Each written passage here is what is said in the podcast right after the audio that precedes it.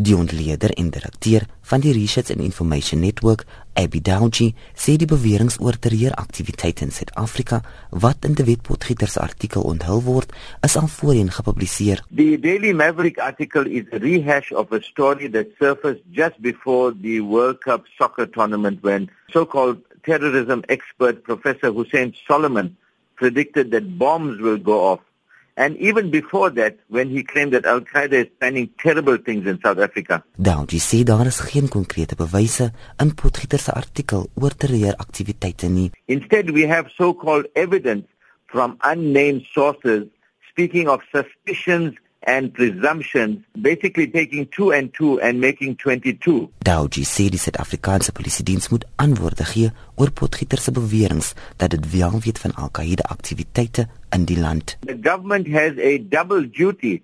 Firstly, it has to clear its name from the serious allegation by showing clearly whether it stopped any investigation relating to terrorism by Muslims and secondly, it has a great responsibility to the Muslim community here to show whether any activity related to terrorism has been uncovered or not. 'n Uitvoerende lid van die Media Review Network, Iqbal Jassat, het professor Hussein Solomon wat in Potgieter se artikel aangehaal word, skerp gekritiseer. These kinds of allegations have been made on a number of occasions primarily by the main source in this current report and that is Professor Hussein Solomon. We had challenged him on many occasions to prove these allegations that he had made.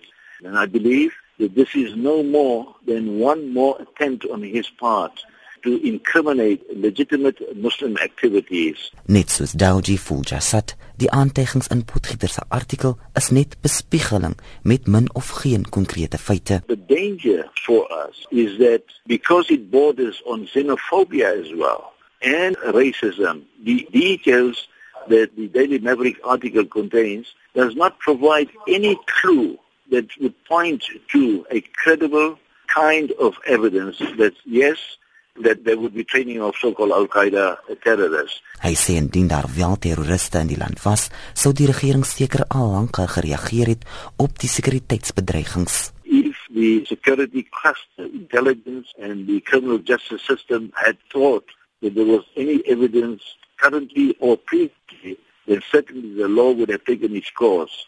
And this therefore tells us there haven't been any steps taken to prosecute any people, that there isn't any fire. There's a lot of smoke. 'n Bekende moslimfamilie, die Dokrets, word in die wetpotgieter se artikel uitgesonder, maar hulle ontken enige betrokkenheid by Al-Qaeda se aktiwiteite in Suid-Afrika.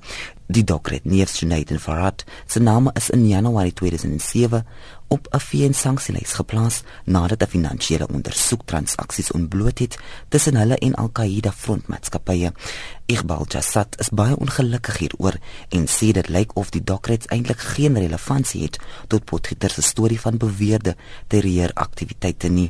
I don't see any relevance between unpacking, you know, personal details of a family without any links to the main argument that it seeks to make. And this is what I find very, very alarming and surprising that the mainstream media platforms such as the Daily Maverick would seek to use material from a source that lacks credibility and that of course is Hussein Solomon. Jassat sê die moslimgemeenskap moet kalm bly en dat moslimleiers die aantuigings op 'n professionele vlak sal hanteer. We are in discussion with many Muslim organizations at this point.